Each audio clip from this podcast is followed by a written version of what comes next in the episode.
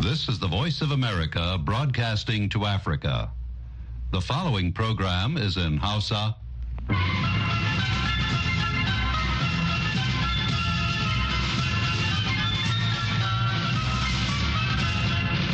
Sashen Hausa na murya Amurka ne ke magana daga nan birnin Washington DC.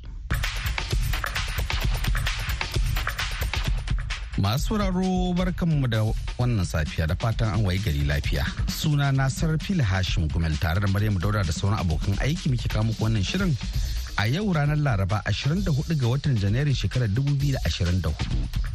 Kafin ku ji abin da muke tafi da su ga kan labarai. Sakataren harkokin wajen Amurka Anthony Blinken ya bayyana cewa Amurka ta kudura aniyar ƙarfafa hulɗar ƙawance a faɗin nahiyar Afirka kuma tana ci gaba da ganin ƙasashen Afirka a matsayin masu jagoranta wajen tunkarar batutuwan da suka shafi duniya. Isra'ila ta ba da rahoton cewa an kashe mata sojoji 24 a zirin Gaza. Ɗaya daga cikin ranaku mafi muni da sojojin Isra'ila suka gani jiya talata tun bayan kaddamar da yaƙin kawar da ƙungiyar mayaƙan Hamas. Jirgin saman sojan Amurka ya kai hari kan mayaƙan da ke samun goyon bayan Iran a Iraki a matsayin martani kan jerin hare-haren da aka kai wa sojojin Amurka da na haɗaka a 'yan kwanakin nan. To Allah ya kyauta kanan labaran kenan aka saurara. Kamar yadda aka ji a cikin kanan labaran, shugaban Najeriya ya tattauna da sakataren harkokin wajen Amurka a Tony Blinken to Najeriya za ta mura ga wannan tattaunawar? Ita amurka ta nuna cewa tana da sha'awar taimakawa najeriya da zamana an bunƙasa masana'antun da za su dinga yin magunguna su a nan najeriya To daga nan za mu kawo muku shirin baki mai yanka wuya wanda a yau zai duba dambarwa tsakanin shugabannin jihohi da masu sarauta gargajiya da Murtala Faruk Sanyin ne ya shirya kuma zai gabatar. Amma yanzu sai a gyara zama domin sauraron kashi na farko na labaran duniya. Jama'a Assalamu alaikum ga cikakkun labaran. A jiya talata sakataren harkokin wajen Amurka Anthony Blinken ya bayyana cewa Amurka ta ƙudiri aniyar ƙarfafa hulɗar ƙawance a faɗin nahiyar Afirka. kuma tana ci gaba da ganin ƙasashen afirka a matsayin masu jagoranta wajen tunkarar batutuwan da suka shafi ƙasashen duniya amurka ta ƙudiri aniyar ci gaba da zama babbar ƙasar ƙawance ta fannin tsaro ga najeriya. A cewar blinken a birnin tarayya abuja a yayin wani taron manema labarai na haɗin gwiwa tare da ministan harkokin wajen najeriya yusuf mai tamatugga kafin ya tashi zuwa Legas da yammacin jiya talata blinken ya gana da shugaban najeriya bola ahmed tinubu da tugga inda suka tattauna kan batun tsaron yankin. Bayan juyin mulkin da sojoji suka yi a wasu ƙasashen yammacin afirka. Muna matakar godewa najeriya a matsayinta na ƙasar da ke jagorantar ƙungiyar ecowas a ƙoƙarin da take yi na mai da nijar kan tsarin dimokuraɗiyya bayan da aka fuskanci ƙalubale a cewar blinken da yake magana akan ƙungiyar ta raya tattalin arzikin ƙasashen yammacin afirka. Najeriya dai ita ce kasa mafi yawan al'umma da ƙarfin tattalin arziki a yankin kudu da hamadar sahara kuma ita ce ƙasar da ke kan gaba a fannin siyasa tattalin arziki da ƙarfin soja a ƙungiyar ƙasashen A jiya talata Isra'ila ta ba da rahoton cewa an kashe mata sojoji 24 a zirin Gaza. Ɗaya daga cikin ranaku mafi muni da sojojin Isra'ila suka gani tun bayan kaddamar da yaƙin kawar da ƙungiyar mayaƙan Hamas. Kakakin rundunar sojan Isra'ila Rear Admiral Daniel Hagari ya shaidawa manema labarai cewa 21 daga cikin sojojin na shirin rusa wasu gine-gine biyu da ababen fashewa a ranar litinin yayin da wani dan ƙungiyar hamas ya harba makaman roka kan wata tanka da ke kusa. Lamarin da ya saba mabaman da ke cikin gine-ginen suka tashi suka kuma ruguzo kan sojojin. Sauran sojojin na isra'ila uku kuma a wani hari na daban aka kashe su. Prime Ministan Isra'ila Benjamin Netanyahu ya ce rundunar sojan ƙasar ta fara bincike kan mummunan lamarin. Jirgin saman sojan Amurka ya kai hari kan mayaƙan da ke samun goyon bayan Iran a Iraki a matsayin martani kan jerin hare-haren da aka kai wa sojojin amurka da na sojojin haɗaka a 'yan kwanakin nan. Jami'an amurka sun ce hare-haren ta sama da aka kai da safiyar yau laraba sun auna wasu cibiyoyi uku a yammacin iraki da ƙungiyoyin kataib hezbollah da wasu masu samun goyon bayan iran suka yi amfani da su. Hare-haren sun shafi shalkwatar kataib hezbollah da wurin ajiyarsu. Da wuraren horar da makaman roka da makami mai linzami da na uav a cewar wata sanarwa daga rundunar sojan amurka ta tsakiya wacce ke kula da sojojin amurka a yankin a gefe guda kuma sakataren tsaron amurka lloyd austin ya yi gargaɗin cewa washington bata yanke hukunci kan ba za a kai karin hare-hare ba idan ta kama. To kuna shan labaran ne daga nan sashen Hausa na muryar Amurka a birnin Washington DC. To ina jima kaɗan marin bar sake da labarai kafin nan a ziyara aiki zuwa ƙasashen yammacin Afirka huɗu da sakataren harkokin wajen Amurka a Tony Blinken ke yi. A jiya talata ne tattauna da shugaban Najeriya Bola Ahmad Tinubu inda Amurka ta yi alkawarin tallafawa Najeriya a fannonin kiwon lafiya da tsaro da noma domin samar da ayyukan yi ga matasa. Daga Abuja ga rahoton wakilin Umar Faruk Musa. Kasar Amurka ta tabbatar wa Najeriya cewa za ta ba ta tallafi na musamman akan fannonin da suka shafi sha'anin noma da kuma yaƙi da ta'addanci ta hanyar ba da horo da kuma bayanan sirri ga jami'an tsaro da sauran dakaru na yaƙi da ta'addanci a najeriya. Da kuma tabbatar da ta ba da gudunmuwar da za a kafa kamfanonin da za su kirkiro magunguna da sarrafa magunguna a cikin najeriya ta yadda al'amuran kiwon lafiya za su ingantu su kuma ba da walwala ga 'yan najeriya ta fannoni daban-daban. Mr anthony blinken ya kuma tabbatar da shugaba bola ahmed tinubu cewa ƙasar amurka a shirye take a kowane lokaci ta bai najeriya dukkan gudunmuwar da za ta dace domin samun nasarorin da ake na girka demokradiyya a ƙasashen afirka daban-daban. Magana ƙasar niger da yankin gaza da sun taso a wurin wannan ganawar inda najeriya da amurka suka gamsu cewa akwai muhimmancin a kafa ƙasashe guda biyu a yankin isra'ila wato ɓangaren isra'ila da kuma palestino wanda shine hanya mafita da zai kawo ƙarshe waɗannan rigingimu da tashi hankali da ake ci gaba da tafkawa a wannan yanki na zirin gaza. Ga ƙarin haske a tattauna da na yi da ministan huda da ƙasashe wajen na najeriya ambasada yusuf tuga. An tattauna abubuwa da dama dangane da kawancin da ke tsakanin najeriya da amurka. Akwai maganan abinci ya tabbatar da yalwan abinci da amfanin noma. Akwai maganan magunguna misali irin na malaria da sauransu wanda kusan ita amurka ta nuna cewa tana da sha'awar taimakawa najeriya da zamana an bunƙasa masana'antun da za su dinga yin magunguna da su a nan najeriya da kuma maganganu da suka shafi tsaro a cikin najeriya da yankin da kuma cinikayya tsakanin najeriya da amurka. Akwai yiwuwar amurka za ta ba najeriya goyon baya domin ta zama mamba a kwamitin tsaro na majalisar ɗinkin duniya wanda na san shi na cikin abubuwan da aka tattauna tsakanin blinken da tinubu.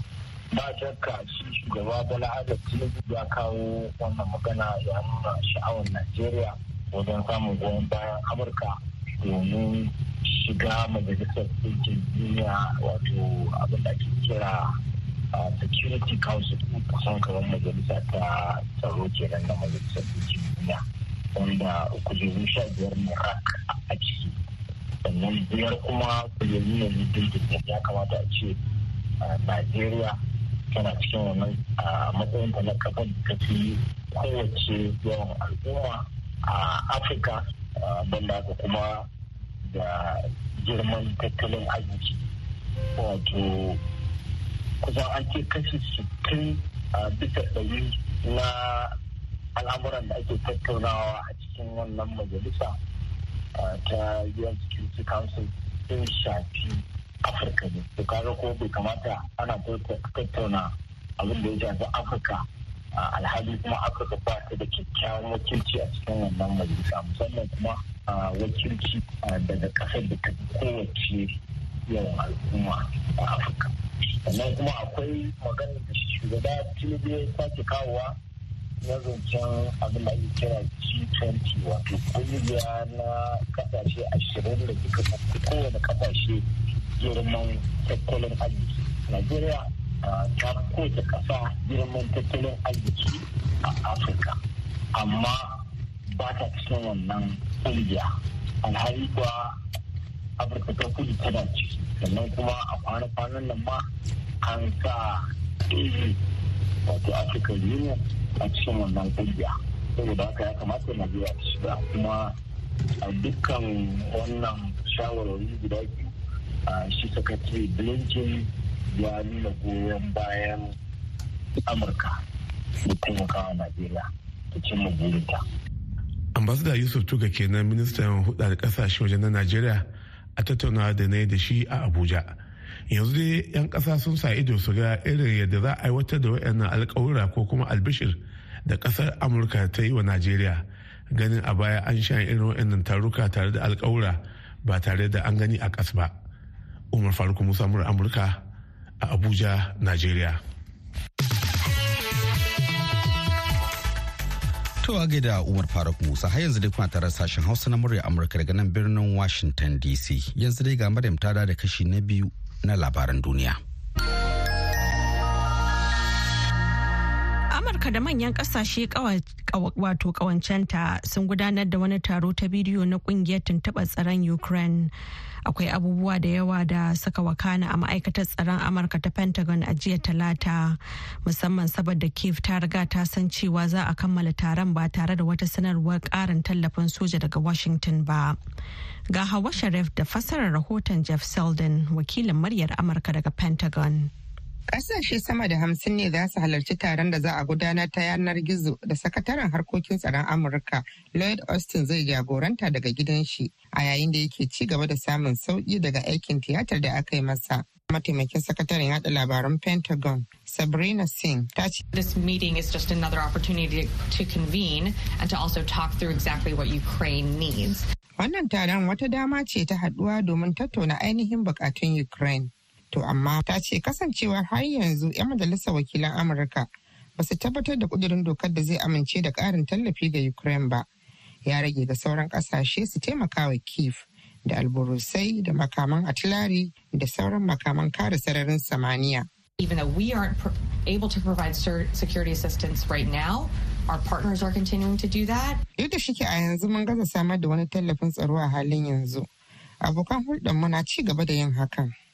Duk da shike da fadar white house ta damu idan 'yan majalisar dokokin suka gaza amincewa da ƙarin tallafi ga ukraine a nan ba da jimawa ba tallafi ga ukraine na iya bushewa John Kirby na Majalisar Tsaron Ƙasa ya ce. It's entirely possible we, we should expect that uh, some of our allies and partners might have to make different decisions. Gaba ɗaya abu ne mai yiwuwa mu kyauta da zaton ganin wasu daga cikin ƙawayenmu da abokan hulɗa su sauya shawara idan suka ga shugabannin Amurka sun fara sanya a nan da can ko su ga amurka na ja baya a taimakon da take mai ukraine.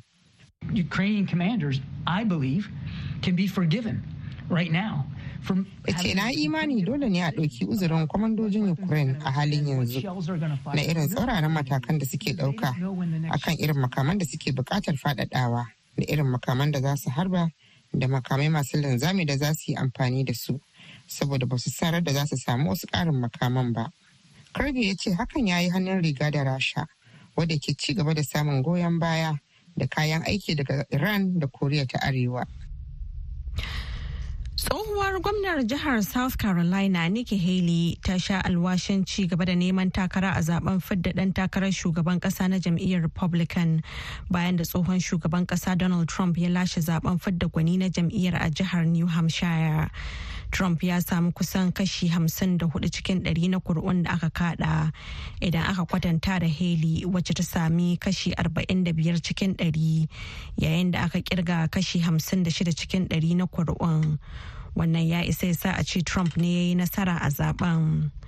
Wannan dai shine karo na biyu da Trump ya samu nasara biyu bayan nasarar da ya samu a jam'iyyar a makon da ya gabata a jihar Iowa yayin da yake neman sake tsayawa takara da shugaba Joe Biden a watan Nuwamba.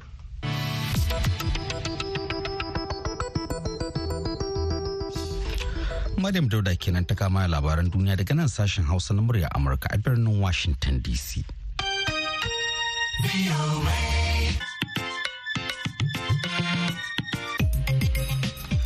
Madalla masu sauraro shirin da yana zuwa muku ne kai tsaye daga nan birnin Washington DC akan mitoci 19,31,60 sai kuma kilo talatin a matsakaicin zango. Ga masu sauraron mu a Nijar za ku iya sauraron mu a tashar mu ta VOA Africa akan mita 200.5 zangon FM. Ba haka a lokacin da ake so za a zuwa shafukan mu yanar gizo ta adireshin mu na voahausa.com yanzu kuma sai baki mai yanka wuya.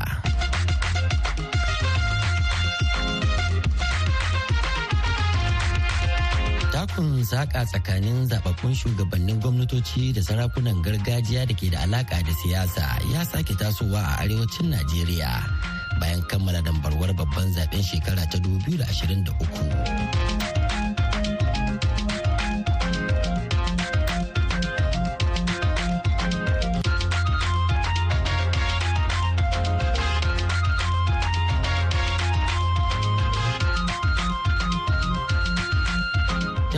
Assalamu alaikum. Takaddama tsakanin gwamnonin farar hula da kuma sarakunan gargajiya da ke da alaka da siyasa ba sabon abu ba ne musamman a arewacin Najeriya. Inda daga ƙarshe ma yakan haddasa sauke wasu sarakuna daga mukamansu. Lamarin da ba kasafai yakan faru a kudancin ƙasar ba. Tarihi ya nuna cewa a 'yan shekarun baya-bayan nan an tuɓe raunan sarakuna da dama sakamakon takaddamar da ta taso tsakanin su da gwamnonin jihohinsu. Mafi shahara daga cikin alkaluman dai su ne sarkin musulmi na sokoto alhaji ibrahim da suki a shekarar 1996 da ake alakantawa da takaddama da gwamnatin mulkin soji ta wannan lokacin a ƙarƙashin janar sani abacha. Da sarkin gwandu alhaji mustapha haruna jakolo wanda ake zargin an cire shi a shekara ta 2005 saboda takaddama da gwamnan jihar kebbi na lokacin muhammad adamu aleru da kuma sarkin kano muhammadu sanusi wanda tsohon gwamnan jihar abdullahi umar ganduje ya sauke sakamakon rashin jituwa da ta shiga a tsakaninsu a yayin da manazarta suka daɗe suna zargin sarakuna a arewacin najeriya da tsoma kansu dumu-dumu a cikin harkokin siyasa. Haka kuma suna zargin gwamnoni su kuma da nuna izza da ƙarfi wajen ganin bayan kowane basarake da ya ƙoƙarin gittawa a gabansu kamar yadda aka al'adanta a bayan kowane zaɓe a wannan karon ma lamarin ya so tasowa inda yanzu haka wasu sarakuna suka rasa mukamansu a jihar kogi yayin da wasu da dama kuma a jihar sokoto suke zaman jiran makomarsu. Rahotanni sun bayyana cewa gwamnatin jihar sokoton a ƙarƙashin gwamna ahmed aliyu ta kafa wani kwamiti domin binciken wasu sarakuna har goma sha biyar ciki har da manyan 'yan majalisar sarkin musulmi bisa zargin alakanta kansu da taimakawa gwamnatin pdp da ta gabata ta aminu waziri tambuwal a lokacin zaɓen da ya gabata.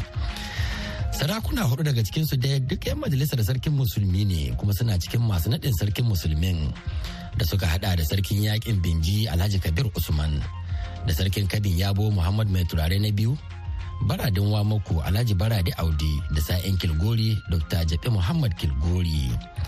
Sai sauran sarakunan da akasarin su uwayen ƙasa ne da ke cikin binciken. Su ne sarkin gobir na isa da sarkin yaƙin gagi da marafan alkamu da sarkin yamman dogon daji. Sai sarkin gabas na tulluwa da sarkin kudun giyawa da sarkin yamman unguwar lalle da sarkin gobir na asara da sarkin kebin kebe da sarkin rafin illela da kuma sarkin yamman kuci. Duk da yake sarakunan da lamarin ya shafa sun yarda a naɗi muryoyinsu.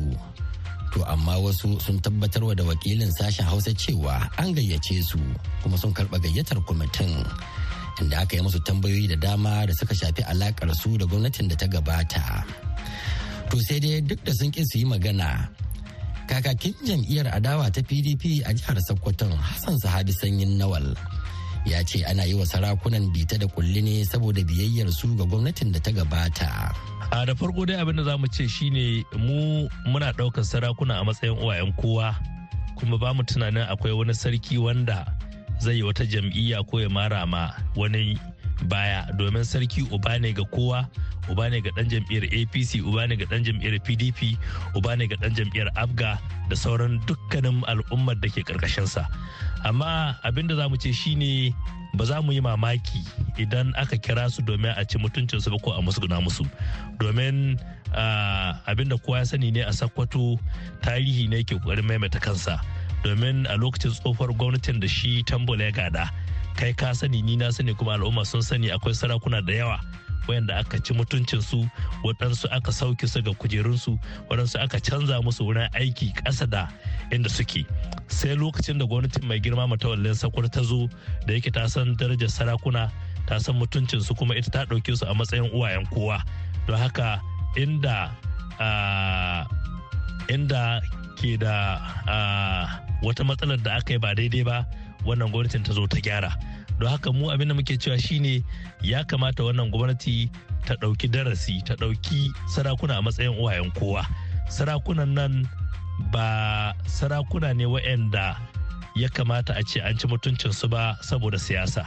Domin mu a tunaninmu mu dai a jam'iyyar pdp ba mu tunanin akwai wani sarki wanda ya yi jam'iyyar apc ko ya jam'iyyar pdp sabanin su da suke tunanin haka mu mun ɗauke su a matsayin uwayen ƙasa uwayen al'umma kuma uwayen kowa waɗanda idan matsala ta taso ko idan wata rigima ta taso wurin su ake zuwa a nemi shawara a nemi yadda za a warware matsaloli.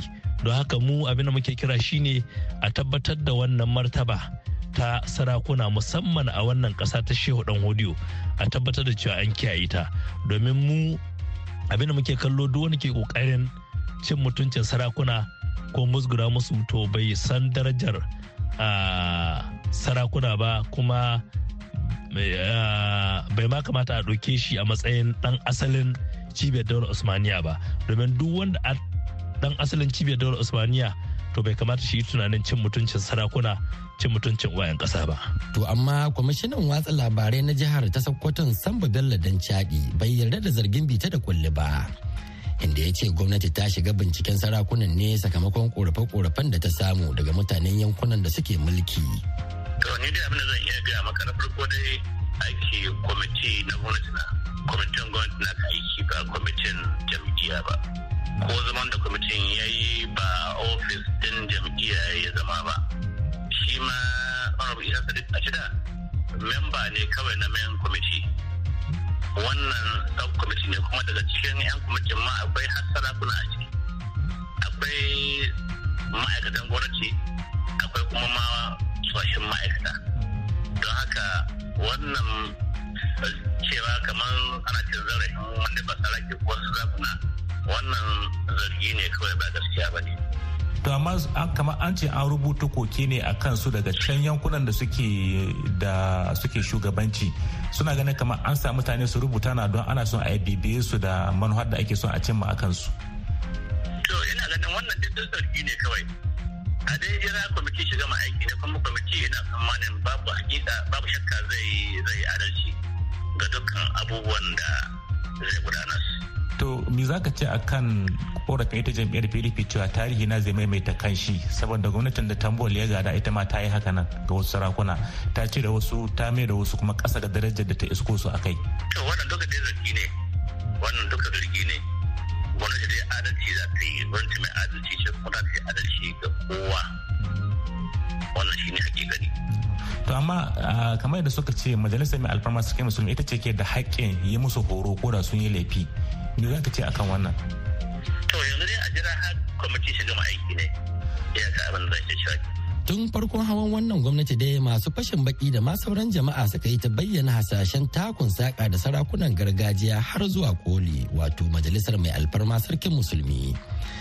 Lamarin da ya sa a lokacin mataimakin shugaban kasa kashim shetima ya yi tattaki zuwa sakkwaton domin ƙoƙarin kashe wutar rikicin. na kira shi gwamna. Akan koyaya zai yi. Kar ya bari baraka ya shiga tsakaninsa da senator aliyu magatakarda wa mako. Kuma kar ya bari ya girmama sarki ya mutunta sarki don sultan of sokoto is an institution not only in northern nigeria mu haɗa kai. Abin da haɗin kai bai yi mana ba rashin haɗin kai ba zai taba cin mana ba. Ina godiya ga his eminence. Shi shugaba ne ba a sokoto ba shi shugaba ne a arewa shi shugaba ne a northwest. Muna girmama shi muna martaba shi.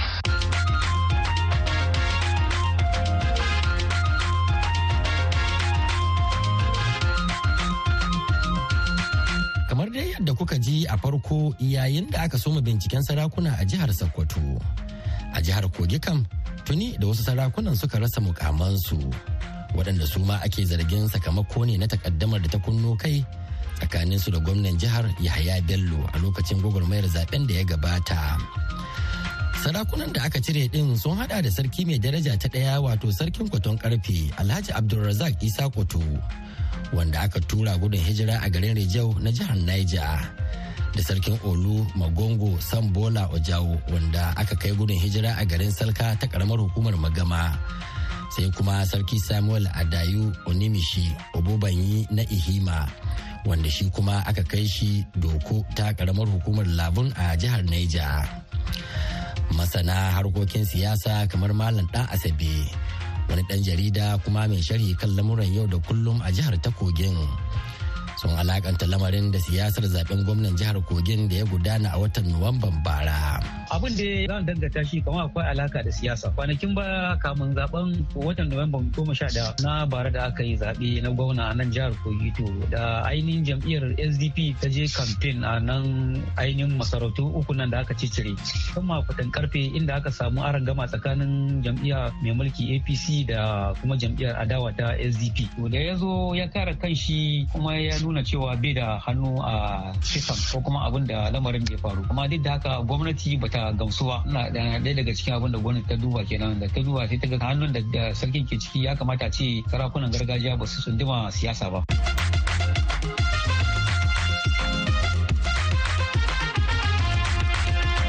Masu saurare a nan za mu dasa aya sai mako mai zuwa inda za mu kawo muku wani sabon shiri. Godiya ga wakilan sashen Hausa Muhammad Nasir da Mustapha Nasiru Batsari sai kuma Dadi Balawe da ya daidaita mana sautin shirin. Murtala Faruk Sanyin na ke muku sallama daga Washington DC. To madalla a gaida dan mutan sanyin na da wannan ko muka zo ga shirinmu na ƙarshe labarai amma fa a taƙaice.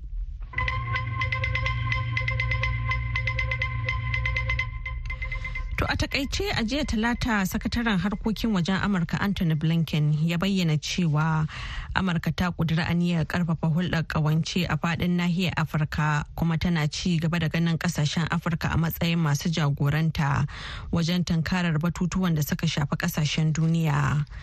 Amurka ta kudura aniyar ci gaba da zama babbar ƙasar kawance ta fannin tsaro ga najeriya a cewar blinken a birnin tarayya abuja a yayin wani taron manema labarai na haɗin gwiwa tare da ministan harkokin wajen najeriya yusuf mai tamatoga kafin ya tashi zuwa Legas da yammacin jiya talata.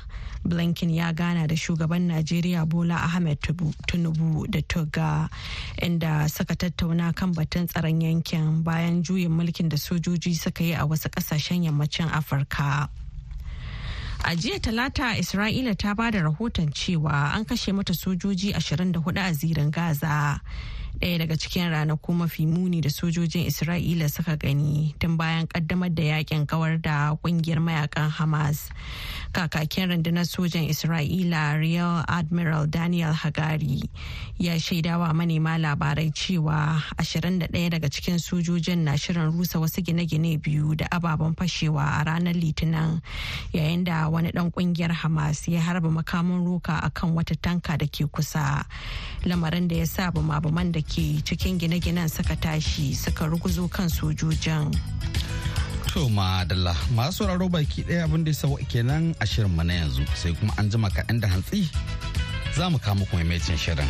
Domin sake jin wannan shiri da ma sauran shirye-shiryenmu na baya sai a zo ziyarci shafinmu na yanar gizo ta adireshinmu na voahausa.com. yanzu kan da maryam dauda ta na gabatar da shirin da kuma daɗi balawi wanda ya ba da umarni da ma injiniyan mu na yau mr charleston nisar fili hashin gumel da na shirya na kuma gabatar daga nan washington dc ke cewa mu kasance lafiya. Salamu alaikum.